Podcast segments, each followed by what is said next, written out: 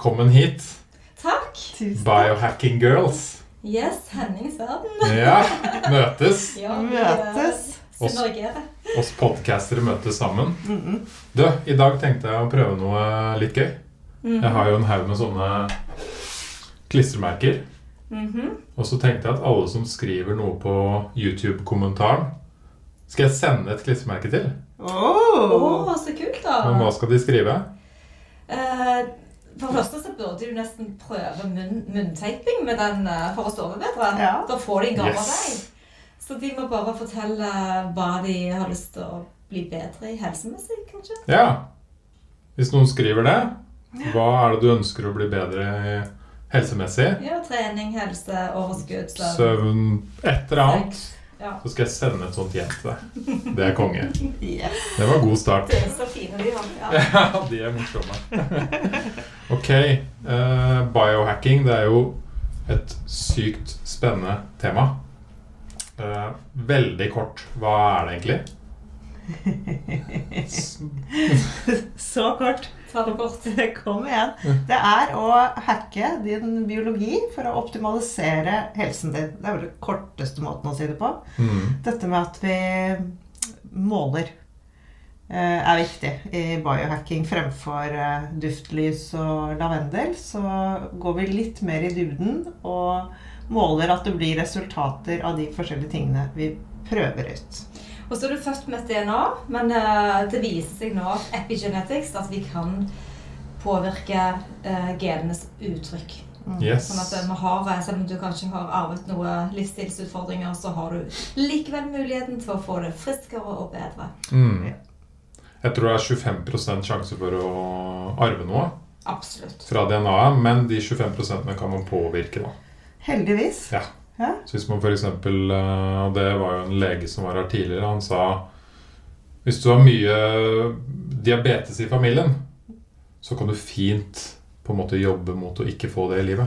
Mm. Det er et veldig enkelt eksempel. da.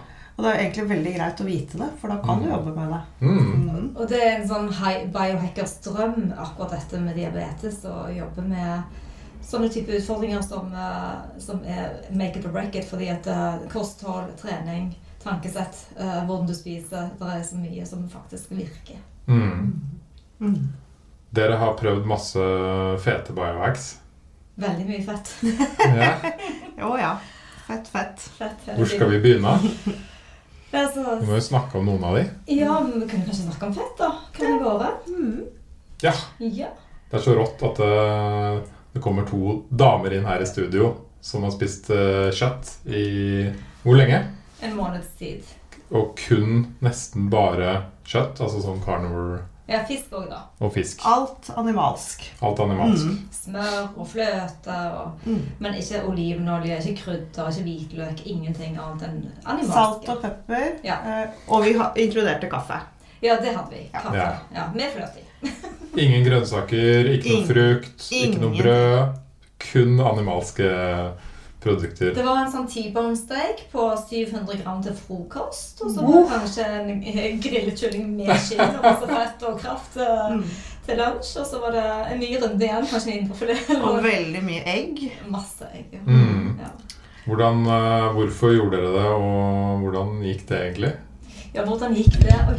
Jo, Hvorfor jeg gjorde det, var fordi jeg, jeg er veldig plaget av pollenallergi. Mm. Og så har jeg hørt masse positivt om ikke Det er jo den optimale elimineringsdiett. Og man vet jo at pollen, kryssallergier med pollen er veldig mye grønnsaker og nøtter og sånn som jeg reagerer med. Så det var hovedgrunnen min til å teste det, var å se om det kunne hjelpe på pollensesongen, som vi nå er midt oppi, og bank i bordet. Ikke begynt på noe pollen Du har ikke det? Piller ennå, i hvert fall. Nei, vi får nå se hvordan det går. Eh, Så det var min hovedgrunn for å, å teste det. Hvor fant du ut at eh, man kunne At det var en kobling? Altså, ja. Altså, ja, ja, vi, vi måtte jo lese oss veldig opp på dette her, og, og det var mye, mange som snakket om eh, allergier som forsvant ved å uh, begynne med carnivore-dietten. Fordi du kutter jo ut alle allergener som, Ja. gjennom mat. Ikke sant? Mm, de fleste er jo, tåler jo kjøtt og Ja. sånne produkter. I hvert fall noe av det. Jeg har ikke hørt om så mange som ikke kan spise det. Og så kan du si at uh, du har en personlig motivasjon, men først og fremst så ville vi jo òg måle. For det er jo så mye trenddietter ute i verden hele tiden, om det er vegan eller vegetariansk eller ja, eh, keto, low carb. Det er veldig mye Mm. uh, som man ikke alltid har, har fått det store bilder. Så vi har lyst til å se på det helt motsatte av det som florerer akkurat nå. Og så ser vi helseeffektene som er biohackedyr.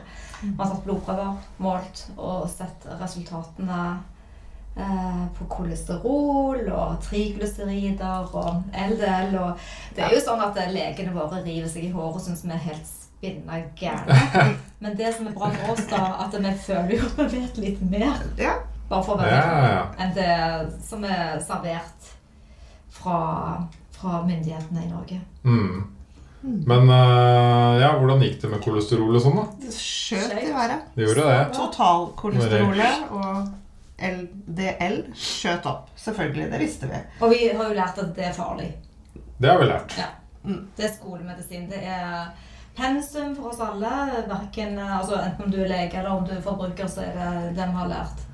Så man ser jo litt på koblingen mot diabetes og hjerte- og karsykdom om det gjelder insulin, eh, insulinsensitivitet og, og høyt kolesterol. Eh, så du hadde jo nesten verre enn meg, sant? Eh, Ja. ja. Så jeg, det ble så ille at jeg gikk da på den Austad-klinikken og tok bilder av mine blodårer bare for å roe ned legen min. Og det, for det var ikke noe plakk der. Det var alt var fint. Så det er klart at det, man må jo se på det hele Man må, bildet, ja, ikke bare kolesterol består jo av så veldig mye mer enn høyt kolesterol. Det er jo, Mm. det er jo Men det er sammensatt. Når du spiser mer fett, så vil det øke. sant?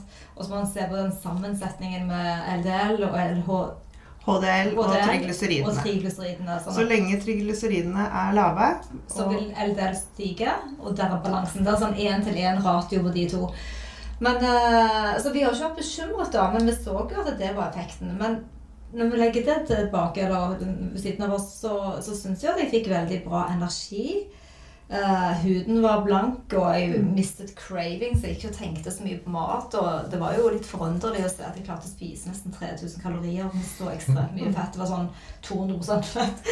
Uh, og, men jeg raste ned i vekt, så det var jo klart at det er en veldig heftig slankekur. Det er det. Ja, altså hvis Så sånn sett så var det ikke så ja, For oss begge gikk jo ned i vekt. Og vi trengte ikke akkurat det. Uh, så, så det men, men det som er så interessant, er at du spiser så mye, og så blir du litt sånn skral likevel. Altså ikke trøtt, energisk, men tynnere, da.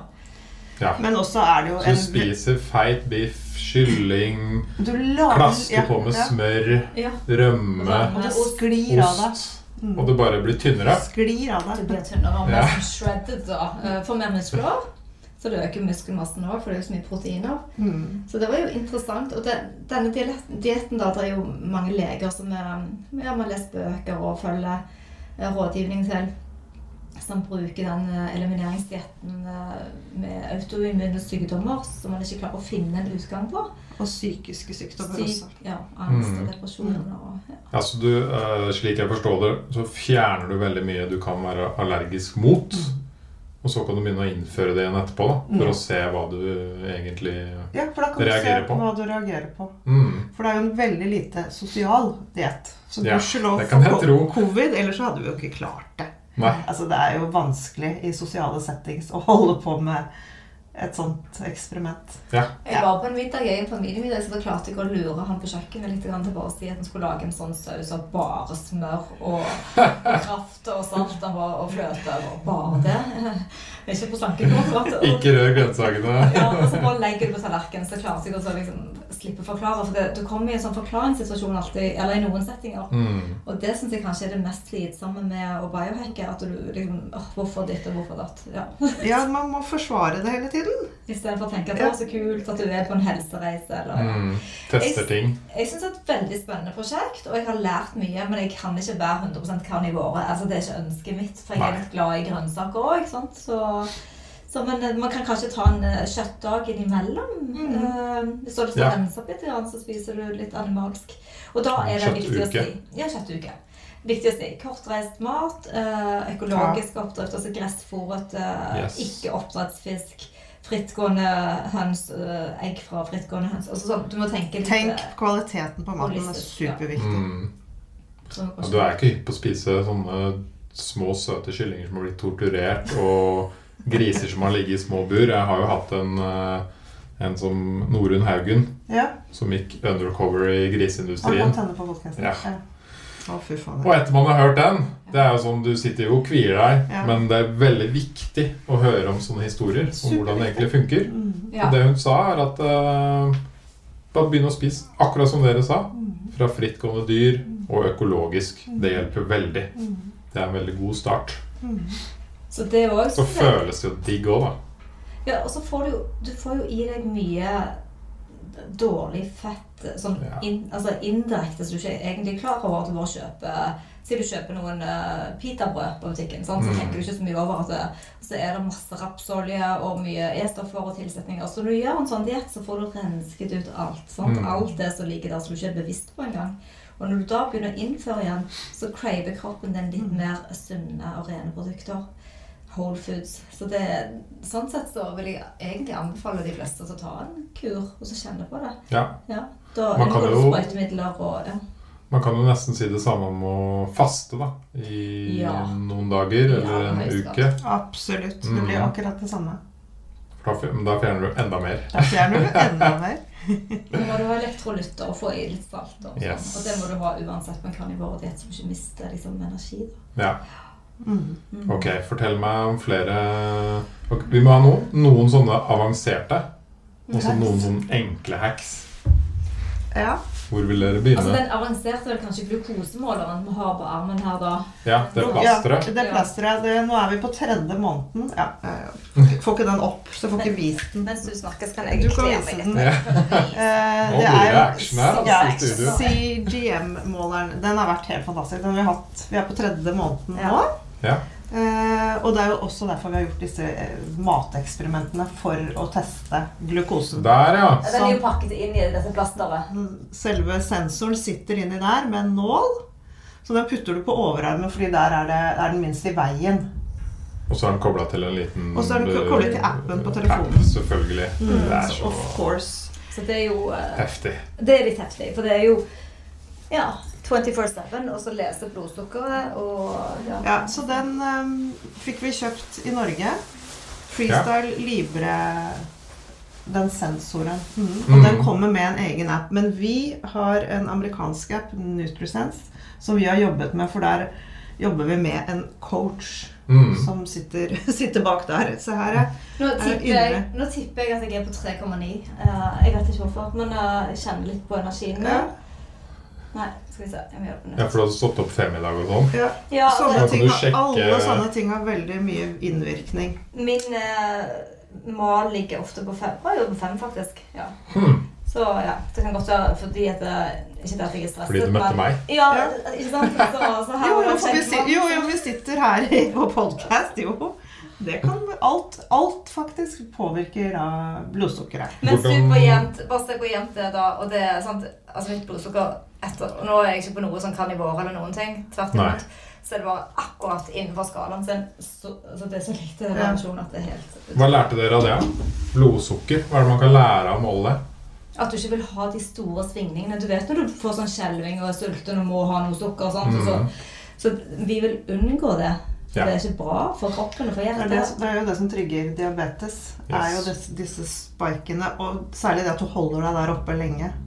Ja. Nå var vi vel ikke egentlig bekymret for at vi var i pre-diabetic når vi startet med dette her, men eh, det er jo veldig gøy å teste hva slags mat du reagerer på. Mm. eh, Og hvor forskjellig man reagerer på Veldig. mat. Og da disse hacksene i forhold til hva du kan, hvordan du kan spise. Hvis du er kjempeglad i ris, men det spiker blodsukkeret ditt, så kan du begynne med litt fetere ting og ikke spise risen først. Men Mm. det er masse sånne tips og triks. Ja, hacks. Hacks på hvordan du kan uh, Var det noe som overraska dere? Ja, surdeigsbrød uh, fra en veldig god leverandør. Det syns jeg var veldig overraskende, for det er surdeig, og egentlig så favoriserer meg surdeigsbrød. Jeg vil heller spise det. Eh, men akkurat denne typen her, da Jeg hadde så høy, eh, høyt blodsukker. Men så kan du også si at trening hjelper. Så hvis du spiser da, har masse smør på, for smør vil stabilisere. Mm. Fettet, ja. Så, ja, så fettet vil hjelpe deg å balansere, eller at det ikke blir så høyt. Men allikevel, eh, hvis du trener så har du hatt en sånn utskeielse eller spist veldig mye Vi tester det, så jeg spiser jo tre eller fire skiver. Jeg jo ikke på en måte. Jo, men du må spise litt for å få noe Ja. utslag. Du kan ikke spise en liten bit. Det, Nei, nei. Men så var det skikkelig høyt en stund, trente, og så ble det superlavt. Jeg var helt slapp utover kvelden. Mm. Så da måtte jeg jo balansere det opp igjen og begynne med søtpotet og noen mandler og litt sånn for å få Så det, du kan liksom vite hvilken mat som hjelper deg å balansere. Så hvis du Mm. spiser en svær brownies, eksempel, så, så kan du gjøre noen heks. Du kan ta aktivert kull, eller du kan ta noen klorella. Eh, L-glutamin. Mm. Altså, det er noen sånne supplementer som kan hjelpe å balansere blodsukkeret ditt. Eller gå en tur. Det er det letteste du vil. Det er det aller Bare gå en tur alltid etter å ha hatt Ja. Etter at man har spist, det hjelper jo alltid. Og jeg fikk jo sjokk, fordi jeg er veldig glad i kaffe.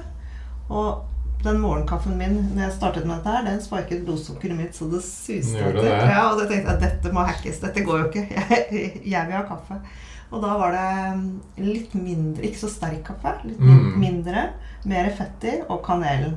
Da var alt gjort. Hmm. Det er veldig interessant. Ja. Kanel hjelper for, for nesten alle.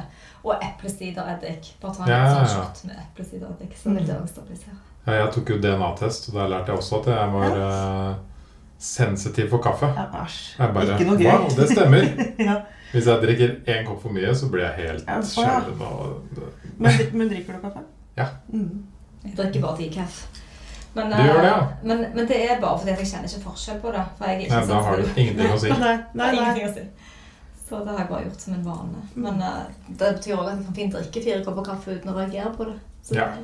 det, Men i hvert fall tilbake til den eh, CGM-en. Jeg vil egentlig anbefale alle jeg, å teste det.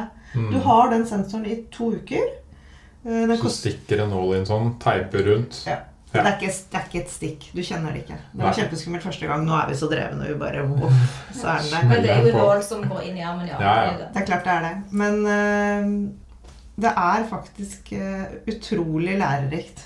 Og, Ja. og bare For alle, Mm. egentlig. Jeg- Jeg synes også det Hvis du er litt nysgjerrig på hvordan du balanserer eller har litt dårlig energi, at du blir litt trøtt fort, ettermiddagsdropper, og bare lærer liksom hvilken mat som Vi vil jo da i utgangspunktet at maten skal gi oss energi, og gi oss overskudd, ikke ta energi. Så derfor er den eh, kontrollerte glukosemåleren ganske nyttig. Mm. Men eh, Jo, for det er ikke, ja, det er ikke alt man Alt man registrerer av ting som skjer i kroppen. Du registrerer det ikke. Man tenker jeg er vant til å ha det litt sånn halvveis. Mm. Uten å egentlig De fleste tenker kanskje ikke så mye over det, men det har blitt en ny mal, det. Hadde Ja. alle grunn rundt og trøtte. Eller, Ja, eller har vondt i maven, eller Det er liksom sånne ting Man tenker at det er normalt. Bare la det gå, Bare liksom. lar det være. Ja. Det går fint. Men um, blir det det trenger man ikke. Nei. Nei, Jeg leste en annen måte å gjøre det på, er å begynne å skrive sånn Hvis man føler man har mye lav energi, da, eller ikke helt veit, å begynne å skrive sånn energidagbok mm. i liksom to-tre uker eller en måned. Hvor man skriver hvordan energien er liksom frokost, lunsj og middag rundt de tidene. Og hva man spiser. Ja. Og så kan man etter hvert gå tilbake og se at den dagen var helt jævlig. Da spiste jeg burger til lunsj. Ikke Eller et eller annet sånt. For eksempel. Altså, Journalføring er jo en veldig viktig eh, del av vår biohacking. Mm. eh, å skrive ned eh, både søvnmønster og det man spiser. Ikke nødvendigvis på detaljer hva man spiser, men, men iallfall hvis det er noen sånne utskeielser og hvordan man reagerer Ja. på det. Så det, jeg Mm. anbefaler det uansett. Også, så- Gjør dere det hver dag, eller? Ja. Stort Ja. sett. Jeg har, en, jeg, jeg har et sånn VUP-band, og her um, journalfører jeg veldig mye inne på den appen. Ja. Skriftlig, Jeg, eller sier du? jeg, nei, jeg skriver det, skriver det ned. Det er bare fordi det er prakt, mest praktisk for meg å samle det der. Eh, hvordan da, da, Der om morgenen så tenker jeg, da skriver jeg dagen i forveien. Så skriver jeg ned alt. Ikke sant? Og da kan jeg også skrive Jeg skriver ikke detaljer om hva jeg har spist, det er absolutt ikke. Men jeg spiste for sent. Det kjente jeg jo med en gang. Altså disse Mm. småtingene, da. Med energien opp og ned hvor ja. Jeg har samme, men jeg er litt old school, så jeg liker å skrive det inn i boken. Og jeg skriver Jeg har en sånn takknemlighetsjournaling på Yes. morgenen. Og så gjør jeg da målingene fra søvnen, da. Så det skriver jeg ned hver morgen. Så det er mitt ritual. For jeg liker å ha de i bøker. Jeg har Ja, ja, samme her. Ja, du har det. Jeg Ja. har også en bunke med dagbøker. Så jeg håper ingen ser de. eh, hvis jeg Jeg tror mange også misforstår det ordet 'journaling' litt. Det tror jeg Fordi ja. Man, ofte føler man at det er sånn man skal skrive Dagbok. masse Ja, dagbok ja, og ja. masse følelser. Det trenger Ja. ikke å være det. Det kan Nei. være både følelser og to do og liksom hva er det Mm. viktigste i løpet av dagen. Hva er jeg takknemlig for, som du sier.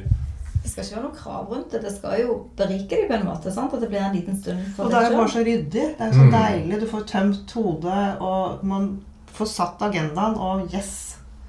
Jeg syns det er kjempedeilig. Mm. Mm. Men er det hacking? Nei, altså Det er kanskje Jo, det er. Det er måling. Måling. Ja. Målinger. Når jeg, er skriver ned, når jeg skriver ned data fra denne ringen her, så er jo det klart Unnskyld, nå så står jeg på denne mikrofonen. Går det bra? Den er litt sånn Den faller litt på meg. Vi kan bare sånn, få den opp. Kan vi ikke ta den litt opp? litt sånn intact på den. Det går fint. Men Den er litt, ja, ta den litt høyere opp. Eh, den der eh, Hvis vi skal gå til en annen biohack som du har hørt om, Ja. Aura-ringen, sant? De ser jo ganske fete ut òg. Er det ikke kule? Jo. De er jo litt Ja. Så Veldig hvis kule. Biohackere, Da vet du hva de har på seg. Det Ja. sånn. Ja. Så den When der biohackers meet, så er det bare Wow. Alle har den. Altså, den er kanskje det første vi kjøpte av sånn gadget. Eh, ikke kanskje, helt sikkert. Den første. Men, så den er jo en del av morgenritualet, fordi den leser jo hjerterytmen. Ja, ja, ja. Så, så da vil jeg skrive ned, og så kan jeg vite når jeg skriver ned f.eks. Uh, hvorfor min resting heart rate var litt høyere. Jo, jeg stresset litt på kvelden før. Eller jeg var på en middag, eller jeg spiste for sen middag, eller jeg hadde drukket alkohol. Altså alle de tingene som påvirker. Og da er det greit å ha, for du har det liksom i systemet inne i appen, men det er ikke der det går. Du kan, jeg liker å skrive det. Ja. Så derfor mm. blir på en måte den journalingen en veldig stor del av et ritual på morgenen som man gjør. Du kan bruke fem minutter på det, eller du kan bruke en time på ritualene dine. Ja, ja. Så det er viktig å skrive ned i en slags dagbok som eh, biohacker òg, for å få rutinene inn. Mm. Men da med målingene dine. Mm. Det er som akkurat det du sa. Det, det gir en utrolig stor verdi å tømme hodet. Vi er ikke, hodet vårt er ikke lagd for å ha alt hele tiden lagra og pågående og mm, konstant. Og får man det ned, så er det liksom sånn ah, Ja.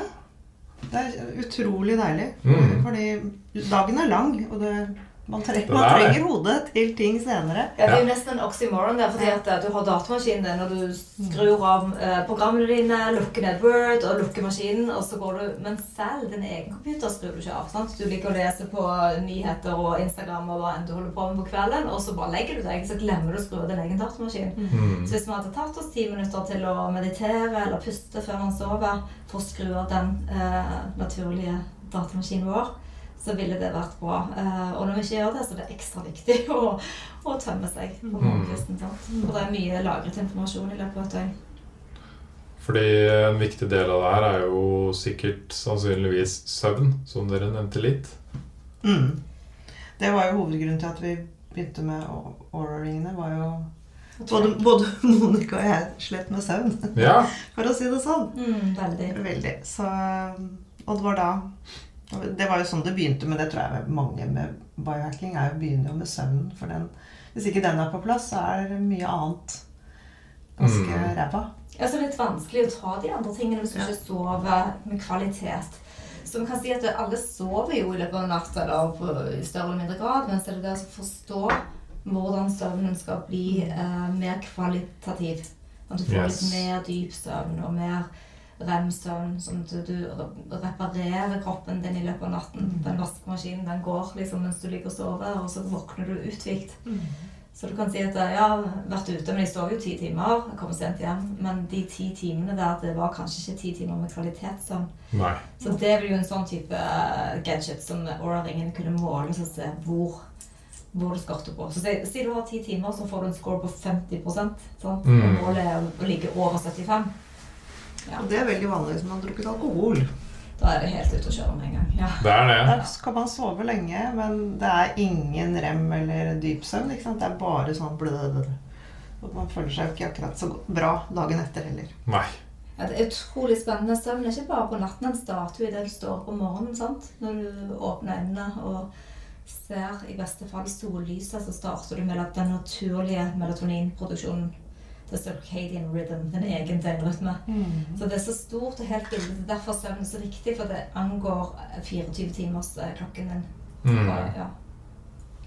Men hvordan var det dere sleit med søvn da? Og hvordan øh, hjalp det å få sånn ring? Og Ja. på en måte hva gjorde dere av å lære Nei, jeg, med den ringen, f.eks.? Uh, ja, jeg, jeg slet med at jeg sov altfor lite. Eh, at jeg alltid la meg for sent og aldri klarer å sove om morgenen. Jeg står opp tidlig uansett når jeg legger meg. Eh, og da sover jeg alltid for lite. Fordi du prøver å følge andre hele tiden. ikke sant? Jeg må jo være lenge oppe, Mm. men jeg sto jo opp tidlig. Ja. Det var ikke mulig å sove om morgenen. Og det har jeg, det, sånn har jeg vært siden jeg var barn. Så det er alltid. Og så skjønte jo jeg nå at du må legge deg tidligere. Ja. Det er det Det eneste, er det eneste som funker. For jeg har ikke noe problem med å sovne. Og, ja, så nå legger jeg meg tidlig og Men skulle bodd i et ashram? Ja. ja. Ja. Så, så det igjen er jo også ikke så veldig sånn sosialt akseptert. Å, å prioritere å gå hjem og sove fremfor å å- Men som biohacker så står jeg i det. Jeg står støtt i det. Jeg el elsker å sove godt. ja, det er så deilig Ja. og viktig. Det er så viktig. De morgenene hvor du våkner og alt er på stell, det er jo bare en strålende dag. Og det er jo Ja, med, ja så du, du ser det. Og du ser, jeg ser med en gang Har jeg spist for sent? Altså alt. Den tar det med en gang. Hm. Så, men så må man jo også, herregud, ikke bli helt ko-ko på tall. Nei, for for det er jo den andre siden av det. Ja, man må leve også. Ja. Så du, Kjenne etter. Kjenne etter, og du må også ikke, sant, ikke bli for ekstrem. Tror jeg, da. Altså, Ja. du, altså, du må jo gå på en fest iblant, og du må jo du må også leve. Og ta de dagene. Det, det jo- går fint. Du drakk jo Baileys. Jeg gjorde det. Yes. Jeg Ja, han det. eh, Jeg har hatt en lege her, og han sa at eh, han tror en person som spiser litt usunt, men er veldig glad og fornøyd med den maten, Mm. sannsynligvis er sunnere enn en som spiser ekstremt sunn, men hater det hver dag. Mm. Det tror jeg også. Helt. Det er et Helt, godt poeng. sikkert. Det gjelder jo veldig inni sånn eh, eh, personlig utvikling og biohacking og alt det her. At man, man må jo passe på å like det og trives. Og så tenker jeg men man må også tåle å liksom ta en måned av og til. Det er ikke så stress å gønne på en måned og teste noe. Men det er så rart, for jeg har alltid vært glad i kjøtt og fisk fra jeg var liten. Jeg har aldri likt poteter. Det er jo sånn, det burde jo alle gjøre, men da jeg var barn, jeg brakk meg av både det og ris. Jeg har aldri likt det. Sånn, eh, så jeg syns jo at jeg er så sykt fornøyd med alt jeg spiser. Jeg bare Mm. elsker maten jeg spiser. Ja. Mm. Men, eh, men jeg vet òg hvor fort det er å komme inn i en sånn kakerunde eller godteripose. Eh, Mm. For når du begynner med det, så er det jo signaler til hjernen som gjør at du vil ha mer. Det er ikke fordi at du, du syns det er så veldig godt. Det syntetiske sukkeret og alt det tullet. Vi, Nei, det er jo det- dopaminet som begynner å skrike. men, men idet du begynner å spise, du- og smaksløkene venner seg til det Det er jo sånn når du skal slutte med sukker òg. Med en gang du eliminerer all den kunstige tilsatte søtningen, så smaker jo jordbær og blåbær Mm. søtt. Og det smaker godt. Mm. Så det er det, derfor er maten vi spiser, utrolig god. Altså, jeg elsket å være på karnivåer sånn smaksmessig òg. For det, Ja, for på uke fem, når vi begynte å introdusere litt hvitløk, og plutselig kunne vi ha avokado, så var jo det det var, Wow! Mm. Så, men det er jo viktig å nyte og, og like det man holder på med. ja. Ja. I hvert fall til en eh, viss grad. Jeg tenker man kan på en måte lide litt en stund for å teste noe, eliminere noe f.eks. Mm. Det, Det kan ja, funke. Det er jo helt greit. Mm. Men, uh, Men da har du også et veldig bra mål, da. mm. Mm. Men det påvirker jo søvnen, det òg, det du spiser. Sant? Så du vet jo at hvis du spiser en eh, tøff eh, si, kaloribombe eller sukkerbombe sen på kvelden, så vil det òg påvirke. Det, jeg syns bare det er ekstremt spennende. For min del så startet dette søvnhysteriet da han yngste sønnen min fikk kikhoste. Det var egentlig jeg som fikk kikhoste av de eldste barna, og smittet han. Han var bare fire uker gammel. Oi. Så det var veldig alvorlig et halvt år. Vi var inne og ut av sykehus og hadde adrenalin og oksygenmaske. Det var veldig tøft, for å si det sånn. Og anfall hvert tredje minutt. Altså, han var blå, og jeg var like blå. Så det var liksom, jeg meg slengt han veggimellom for å klare å puste selv. Det var dramatisk, og det ødela hele min søvn. Mm. Eh, Så det var en helt sånn konkret ting. Så jeg har nesten ikke sovet de siste ti årene. Og det å lære meg nå på nytt hacks med briller og morgenturer og skru av IMF, altså bort med stråling altså De tingene har vært så enormt viktig. Og jeg er sikker på at, eh, at eh, helsen min, da, hvis jeg hadde målt sånn biologisk mm. Alder og sånn. eh, alder, så er den blitt mye, mye bedre. sant? Ja. Det var barn allerede, så han var jo kjempegod. Så jeg skal ikke egentlig klage. Jeg tror jeg var 32 sist. Men, uh, men jeg tror det, også, for det har veldig mye å si for uh, alder, energi, Ja. aldring, ikke sant? Eh, Søvnen din. Så, så det, jeg syns jeg har begynt å sove mye, mye bedre. Mm. Men du nevnte noen flere ting for å få bedre søvn her. Og det er masse. Ja. Blue light blockers er en av favorittene. Det er sånne briller med oransje glass. Som da beskytter mot det blå lyset eh, som man trenger når man står opp om morgenen for å sette i gang produksjonen av eh, døgnrytmen. Men som man ikke vil ha på kvelden. da.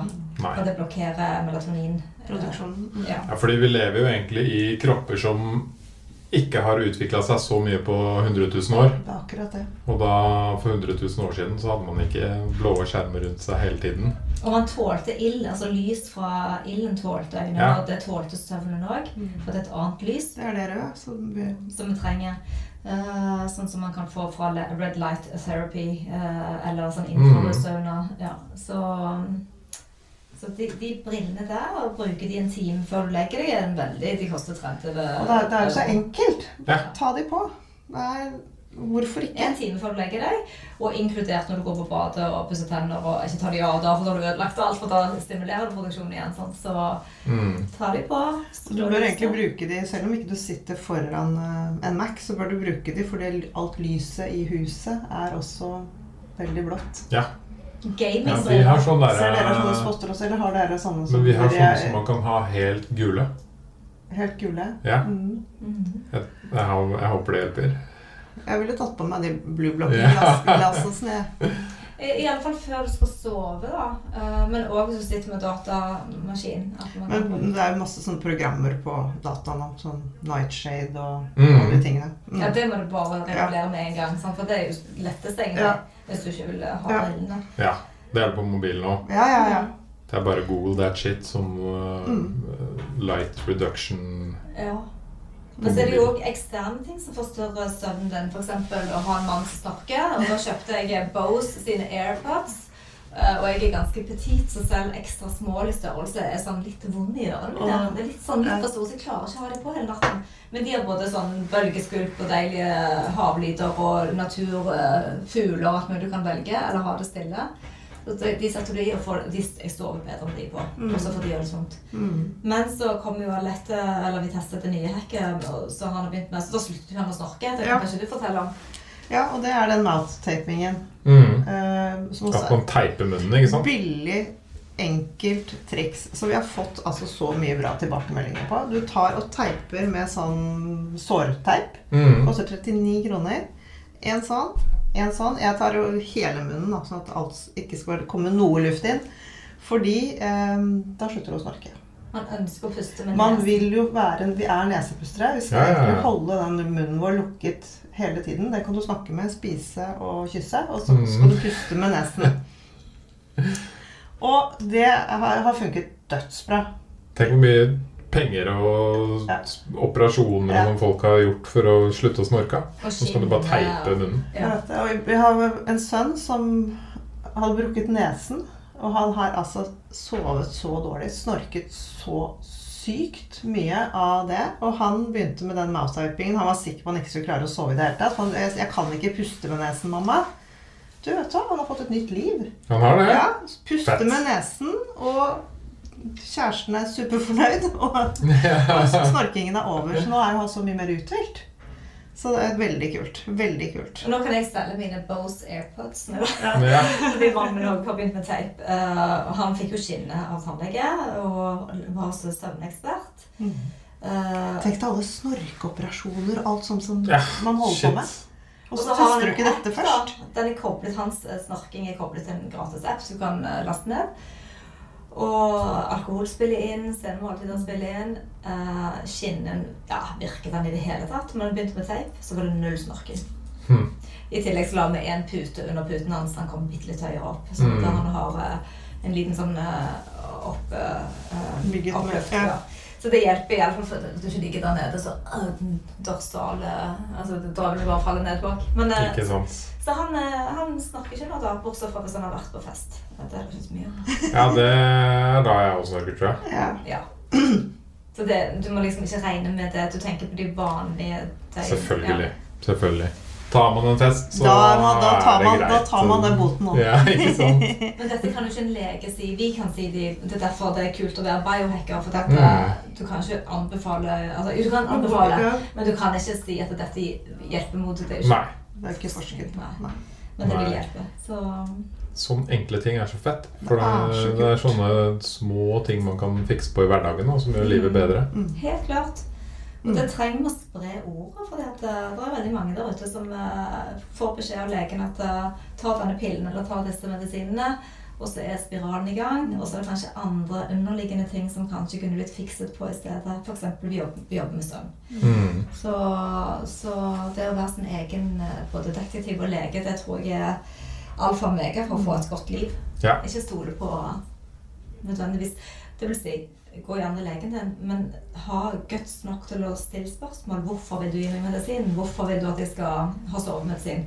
Eh, forklar dette i forhold til. Sant? Tør også ta ansvar for deg sjøl og stille spørsmål og ja. mm. For dere har ikke noe mot leger, men dere tror at det finnes også andre alternativer som man kan utforske og teste. Altså, Jeg- Vi klarer oss jo ikke uten leger. Nei. Er Bare at eh, vi må være litt mer eh, ansvarlige som individer, og ikke bare stole på det som blir sagt. Sant? For det er mange alternativer. Det er det. Og det er jo, altså, det er jo så mye livsstilssykdommer. Og hvorfor heter det livsstil? Jo, det er jo hvordan du lever. Og det er jo, Mm. dette kan du gjøre noe med. Du trenger ikke en lege før altså, det er for sent. da. Men, Det er litt interessant i Paris eller eh, flere skoler i Frankrike. Legestudiet har jo nå inkludert ayurvedisk medisin og plantemedisin i studiene. Det har ikke kommet til Norge ennå, men oh, jeg tror at vi må tenke litt grann utenfor bare denne felleskatalogen. Ja. Eh, og i Norge så går man jo til lege når man er syk, sant? mens i Asia og i mange land, i Japan, så går man til legen når man er frisk. Man går til legen for å vedlikeholde den gode livsstilen. Mm. sant? Så det er jo når du kom til legen når du er syk, så er det jo altså, Ofte for sent. Og ti år siden du begynte å bli syk, sant? Så Ja. Det er sant, det. mm, Og sånne større sykdommer kommer jo stort sett etter mange år med dårlig. Helsetilstand. Det, det starter jo 30-40 år før Ja. du utvikler det. Og så kan du stoppe det. Ikke sant? Sånn at eh, det du gjør som 20-åring, spiller en rolle. Ikke sant. Mm. Men det, det er kult. Altså, eh, biohacking kommer altså ofte at man identifiserer eller finner et problem i livet. da. Noe man vil fikse eller bli bedre på. Mm. Hva er liksom veien videre? Ja, altså vi har disse punktene vi har lagd en liten mal på. For det er veldig mange år som har lyst til å komme i gang med biohacking. Og Ja. plutselig så begynner det å bli et begrep her hjemme. Det er Episenteret ligger i California og i Sydney, så jeg syns jo det er veldig spennende at folk åpner opp øynene litt. Og da prøver vi å veilede litt på hvordan man kan komme i gang. Mm. Så det, er liksom det første er å lage et konkret mål. Uh, hva er det jeg har lyst til å biohacke? Hvor er utfordringene mine? Går det på energi? Går det jeg en? Eh, er det søvn som vi har snakket om? Er jeg overvektig? Føler jeg at jeg prøver alt og ingenting hjelper? Altså Bare finn et mål du har lyst til å jobbe med. Mm. Så, og så, ja. Det er det første. Mm. Og så bli din egen detektiv. Ikke sant? Du, må, du må tørre å gå litt inn i materien og forske litt på dette her. Og, og, ja, og hvorfor? Hvorfor vil jeg eh, endre noe? Du Mm. må være ganske sånn Ja, og, og, og lese deg opp på de forskjellige tingene. Mm. Ja, og så når du er detektiv, da, så må du Mhm. kanskje skjønne hva gjør meg dårlig, hva gjør meg opplagt. Sånn du tilbake til den dagbokføringen, at du skriver litt ned de tingene der. Eh, og så må du neste er da å lage en plan, eller følge en slags strategi. Hvordan vil jeg sette dette inn i et system? Mm. Uh, for å kunne nå det målet som eventuelt er da. Si du har lyst til å gå ned i vekt, da. Som er litt sånn konkret. Jeg vil ned fem kilo, eller Så må du da sette en planlegging og tenke at du skal ikke gjøre dette på en uke, du skal kanskje gjøre det på to måneder eller tre måneder. Ja. Så ja. Mm. Og så må du skaffe deg da kunnskap om hvordan går man ned i vekt. Ikke sant? Og da går det jo an å ta nettkurs. eh, Du kan høre masse bra podcaster. Eh, Bøker.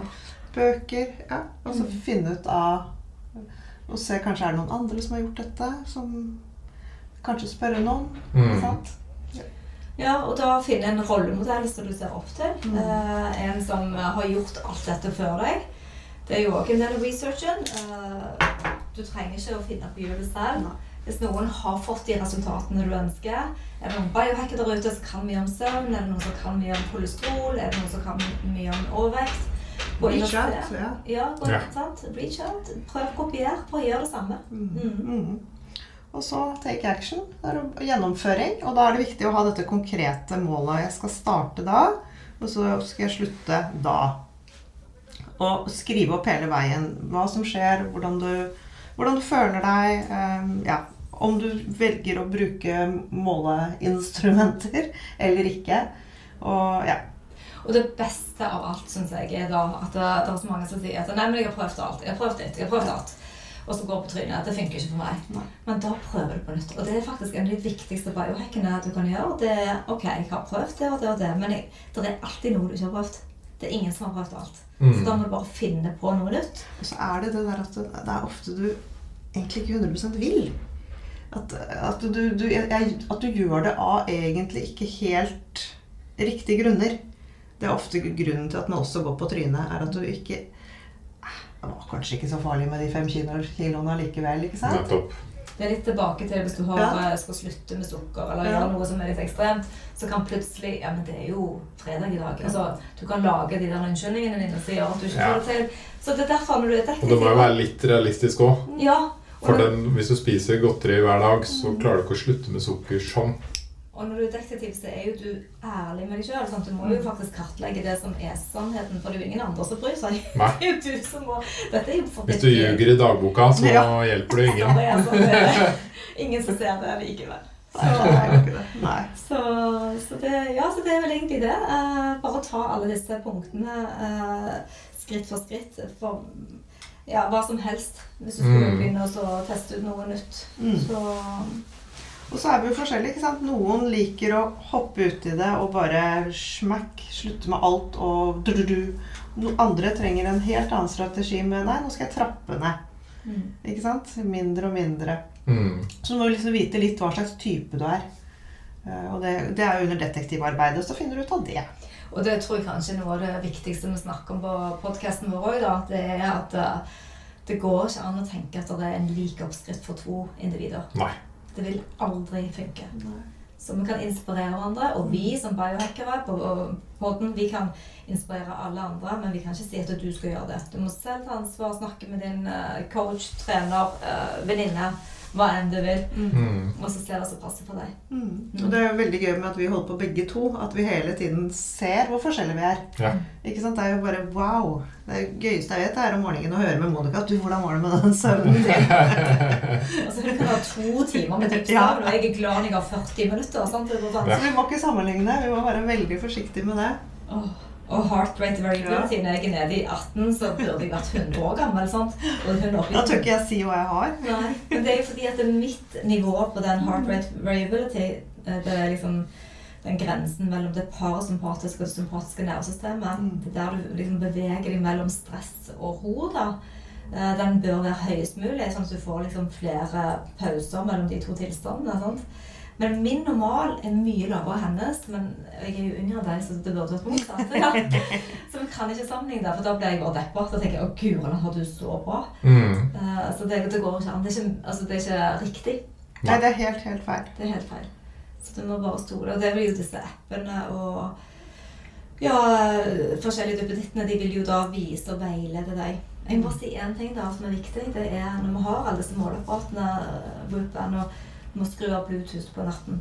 Okay. Ok. det, det, Ja, det det er går- kjempeviktig, så det ikke du får strålet. Ja. At du ikke tenker på at Det kommer ikke inn i innpakningen at du skal skrive av Bluetooth, men det er litt obvious at du bør det bare på telefonen. Fordi det, du kan gå med den i 48 timer, så lagrer den alt. Du trenger ikke å skru på Bluetoothen før, Nei, så før du skal synke. Så synker den av ja, synker de av og til. Mm. Og i hvert fall på natten, da. Så det er Mm. viktig når man går Hvorfor det? For ikke å få alle disse strålingene. Mm. Elektromagnetisk field. Ja, det er en uh, ny fase. Den er, så, den er så stor at jeg orker nesten ikke å gå inn i den. Nei. Nei, så det gjelder bare å ha det sånn sunt vett. Ja. Sånn som du ville ha med barna dine. sant? Tenk Mm. at eh, ja, du ligger jo ikke oppe i sengen med telefonen og sover. sant? Det gjør jo barn. Så det Mange gjør det. Gud, ja. jeg sliter med det. Mange gjør det.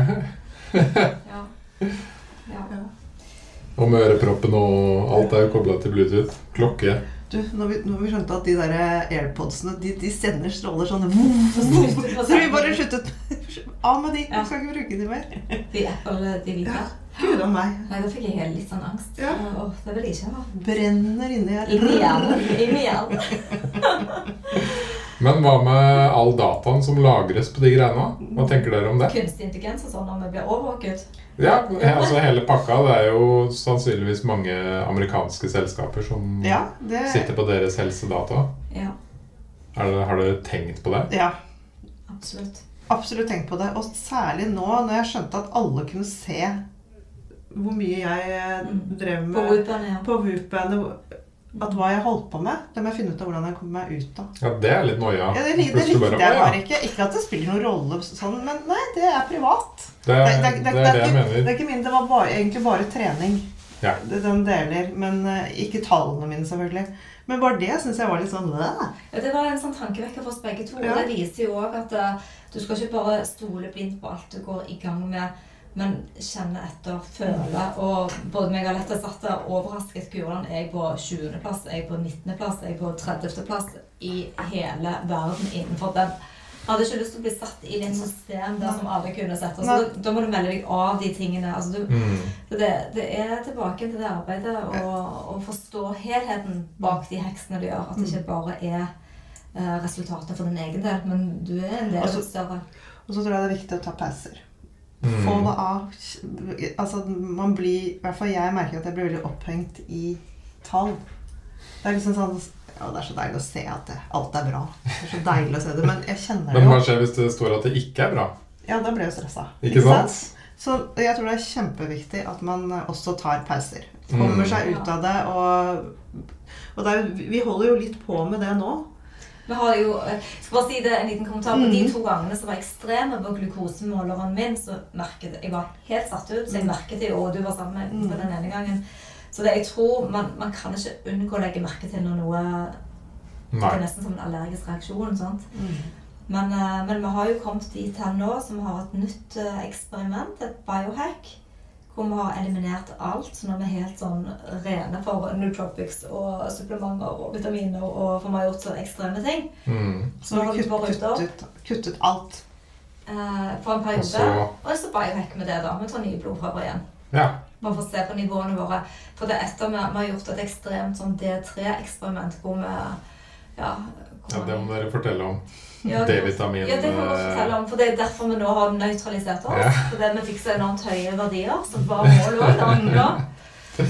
Det var jo målet eh, med immunforsvaret og helsen eh, generelt. At eh, det med at alle er så lave på D-vitamin. Og så leste vi og så på at eh, det er ikke farlig å ha høye doser med D-vitamin eh, I kroppen. i kroppen, sånn som legene Du kommer til å dø av leversvikt. Nei, det er, ikke, det er ikke farlig så lenge du støtter opp med alt det andre av vitaminer du også trenger. ikke sant? For hvis du bare tar D-vitamin, så vil den begynne å spise kalsiumen din. Men du må også da støtte opp med magnesium, K2, for å øke alt. Du kan ikke Mm. bare øke én ting. Det det er et stort system, dette med vitaminer. Du, du, du må ha tungen rett i munnen.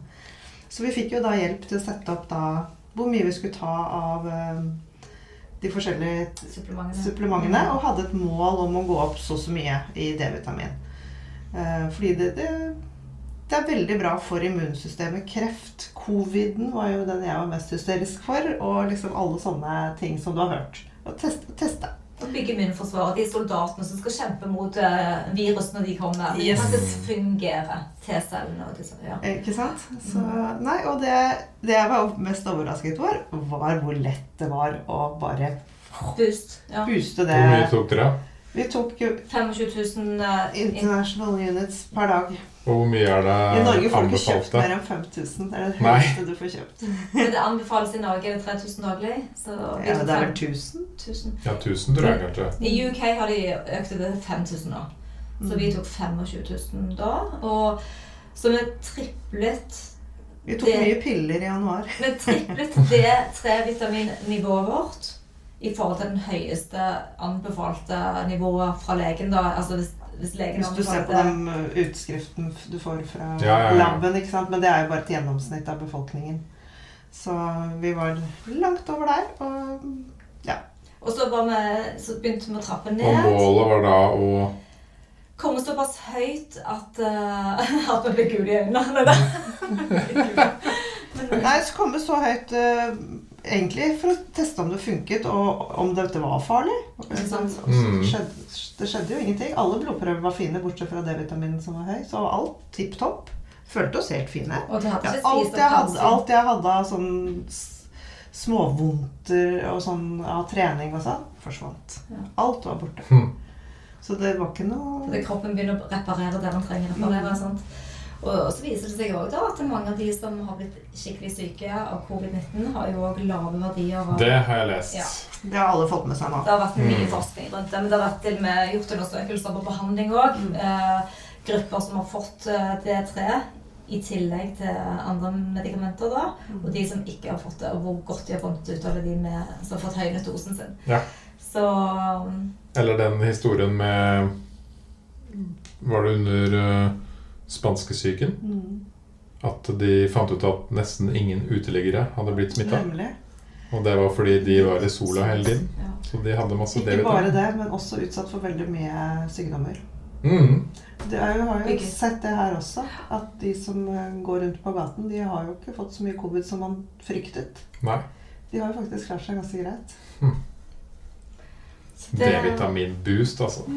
Ja, eh, det, Men som dere sier, da, for det er jo viktig at man påpeker inni der Det er ikke bare å gå og ta 25 000 Nei, eh, ikke gjør det. dose med D-vitamin hver dag. Da må man ha satt seg godt inn i det. Og dere var jo hos legen og testa. Dere går jo faktisk sjekker hele pakka rundt, ikke sant? Veldig viktig. Ja. Biohackere de måler, så her Vi tar jo, blod, vi tar jo blodprøver hver fjerde uke. Ja. Ja. Tar vi nye, nå gjør vi det hele tiden. Vet. Ja, ja. Bare for å måle, måle, måle. Så du må ikke, du må, må ikke tro. Du må, du må vite. Hva er neste mission dere skal ut på? Og vi har mange forskjellige nå, så Mm. vi legger det litt altså Nå er det jo det at vi kutter ut eh, alle supplementer, så skal vi innføre litt og litt. Mm. Eh, og så skal vi i gang med Litt sånne dameting. Ja, vi skal jobbe litt med hormoner. Vi jobber med uh, hva heter det, Nordic Laboratories, uh, Mm. som da har en litt spennende hormonkartleggingstest som er så omfattende at det, Ja, vi må ha doktorgrad for, for å få tatt den. Men det er alle hormonene i kroppen som skal til pers. Og så skal vi intervjue en lege fra Tyskland. Eh, ja, Så vi jobber litt med hormoner, for det er veldig spennende. blir litt sånn, ja, litt sånn kvinnehelse nå. Litt kvinnehelse. Mm. Ja. Ja, det er spennende. Uh, Samboeren min er jo satt seg også inn i det. Mm. Og det viser seg at veldig mye forskning Dette her visste jeg ingenting om, Mm. og hun skal komme på podkasten min og snakke Ja, litt om det. Men uh, eh, på kvinner og menn Mm. så er mye av helseforskningen på kvinner når det ikke er mensen. Og det var sånn Ok, hvorfor det? Det visste jeg ikke noe om. Nei, for da er det en eller annen Da er det lettest å måle et eller annet. Eller noe, ikke sant? Og veldig mye tips som da går ut, kan enkelt misforstås og ikke passe til kvinner. da Sånn som eksempel eh, så Nevnte hun eksempel fasting. Mm. Det skal man være mye mer eh, forsiktig med som kvinne, eller påpasselig med. da Man skal passe på litt hvordan man gjør det. Det er faktisk eh, litt lettere for menn. Fordi kvinner går i sånne Ja, sykluser så, i forhold til oss. ikke sant? kvinner har perioder i sin syklus hvor de skal, kan kjempefint faste, og andre Yes. perioder hvor du absolutt ikke bør faste. Akkurat. Mm. Denne Dutch-testen som vi snakket om, da, som er en hormontest det, eh, Kvinner som da har menstruasjon, eh, må gjøre dette ja, Du må gjøre det innenfor syklusen noen dager, spesielle dager du skal ta testen. Men hvis du er ferdig med mensen, altså menopause, eller er mann, så kan du ta den når som helst. Ja. Og det sier jo veldig mye om kartleggingen. sant? At Ja. samme testen er to forskjellige måter å angripe hvis du ikke har menstruasjon lenger. Mm. Så, og vi kvinner er jo naturlige biohackere fordi vi har denne syklusen vår. Og vi har alltid måttet finne løsninger på smerte og tretthet og eh, godterisug og eh, med rundt eh, menstruasjon. Og du kan òg miste menstruasjonen ved for heftig ketodiett eller eh, fasting hvis du ikke lytter til de tingene. Så det er veldig Ja. viktig. Mm. Mm. Fordi det merka jo hun nå, og for så vidt flere venninner som har testa litt sånn harde ting, Ja. og som bare går på veggen. da Ja. Fordi du gjør det i feil tid, eller ikke sant, passer ikke egentlig på å lytte til kroppen. Nemlig. Og det er jo sikkert viktig innenfor alt det her òg, å øh, faktisk tørre å stoppe. Hvis det ikke Ah, funker. Men du, karnivore, det kan jeg godt si at Ja. jeg mistet jo menstruasjon under karnivoredietten. Uh, og i Norge så er det ikke så mange å spørre om råd, så det han legen vi skal snakke med nå om hormoner, uh, det ble jo et viktig spørsmål for oss. Jeg fikk jo tilbake menstruasjonen med en gang jeg sluttet med karnivore, Ja, ja. så det var jo greit. Men, uh, men det er jo, jeg fikk jo merke det på egen Mm. kropp. Så det, det er enormt viktig å forstå det store bildet og alle de tilbake til de punktene våre. At du må gjøre veldig grundig research. Mm. Mm. Ja, researchen er veldig viktig. Superviktig. Det utsetter jo helsen din for noe ekstremt som i beste fall gir gode resultater. Mm. Så Ja, og så kan du gjøre biohacks fra veldig enkle ting Mm. til veldig ekstreme ting. da. Ja, og når du, når du tenker sånn som på fasting, eh, intermittent fast, så anbefaler vi jo altså, Hvis vi kunne, kunne gi anbefalinger i det hele tatt, at du begynner kanskje med 12 timers eh, pausevindu, og så øker du opp til 13 timer. At du går litt sånn smooth til verks. Du trenger ikke hoppe inn i 16 timers fastevindu. Du trenger ikke ha Nei. den ekstreme varianten med en gang. sant? Så, Men, men det, vi vi er blitt så ekstreme. Det er liksom sånn, vi er så sånn Ok, hvis 12 timer er bra, da er i hvert fall 16. Det er bare enda bedre. Vi er liksom Vi er blitt sånn Vi må tilbake til Nei, dette går fint. ja, Vi har snakket en del om dette, særlig kvinner, sånn flink Mhm. pike-syndrom. At eh, Overdriver sånn, vet du. Ja, Ja, det er helt vilt. Ja, det er Jeg det. syns faktisk det, det er morsomt at du sier kvinner. Mm. For jeg får også litt sånn flink pike-tanke rundt en del ting kvinner gjør. da. Altså er altfor streng mot seg selv Helt klart. og pushe seg selv på en måte som gjør at det går utover det å være glad og lykkelig i livet. da. Altså, Jeg har faktisk bestemt meg for at det er noen ting jeg ikke orker å være flink i.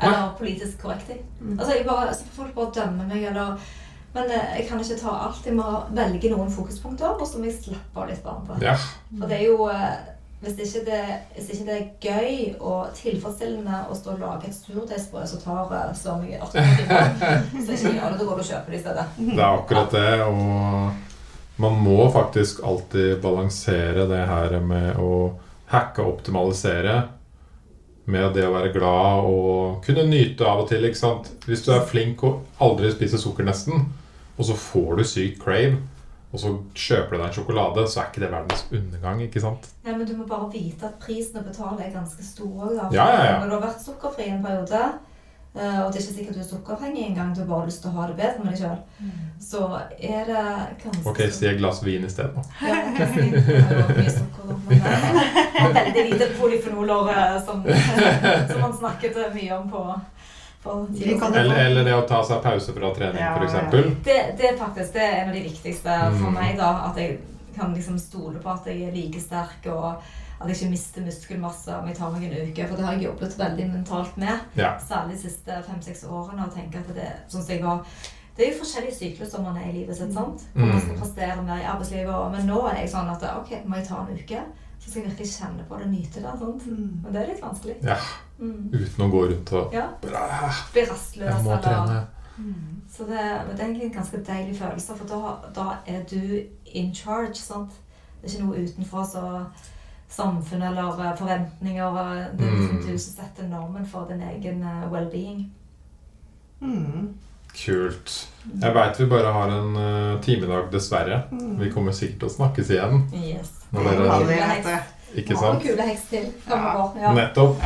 Uh, men uh, hvor kan folk liksom følge dere og høre om mer biohacks og sjekke hva som skjer? Ja, vi har jo podkasten vår, da. Ja. Biohacking Girls. Den er det bare å høre på. Der har vi forskjellige temaer. Og så har vi jo Instagram-kontoen vår. Den er ganske, ganske fin. Og så, ja, absolutt. Og så er vi jo da instruktører og har online-trening. Mm. Og vi har et studio som heter Core Balance, og den har òg en konto. Men vi har, um, vi har litt liveklasser og oh, ja. pop-up ute. Og ja. Mm. Så det Pilates. Ja, det er core-klasser. Vi kaller det for core sculpt, som er vet, sånn skulpturerende. Ganske tøffe, tøffe plankeserier og passer for både menn og kvinner. Trampolineklasser. Og trampolineklasse. Mm. Så det, og yoga. Så vi gjør mye variert og trening som vi mener er bra for hele kroppen. Altså det er low impact med high intensity trening. da. Så, så gjør at du, ja, du både styrker kroppen din, og så er du i alle de statene vi har lyst til å være i. da, Både i roen og tilstedeværelsen. Men Mm. òg i det litt kortisol, adrenalin. Ja. Ja da. Formalt. Beste treningen som fins, egentlig. Det er det. Så, Det er vår mening. så det, ja, men det, men, Ja, det er veldig gøy. Så Core Balance og Biohacking Girls. Det er der å finne oss. Ja. Fett. Så herlig. Eh, gleder meg til å følge dere videre. Og lese mer om hva dere tester. Like Og høre på. like Mm. måte. Det er jo eh, en veldig fin podkast du har, Henning. Takk. Og som sagt, hvis noen vil ha et eh, klistremerke og Kan jeg få et? Ja, jeg vil gjerne selvfølgelig og er på YouTube, så kan man bare skrive en liten kommentar med hva man vil starte å biohacke. Ja. Eller uh, hvis man ikke vil dele det. det, så kan man bare skrive biohacking. Ja, og det går an å spørre om eh, tips òg. Ikke sant? For da kan vi se Ja, om er noen skriver til oss. eh, Mm. Har noe spesielt, så kan vi svare til deg, da, Henning. Sånn at eh, du kan få gi svar til dem. Det er helt rått. Konge. Da er det faktisk ut og nyte Ut sola. D3. Ja. Få inn litt D3, så får dere ha en nydelig dag. Og takk for at dere kom. Tusen takk. Tusen takk. Yes. Takk, takk, takk.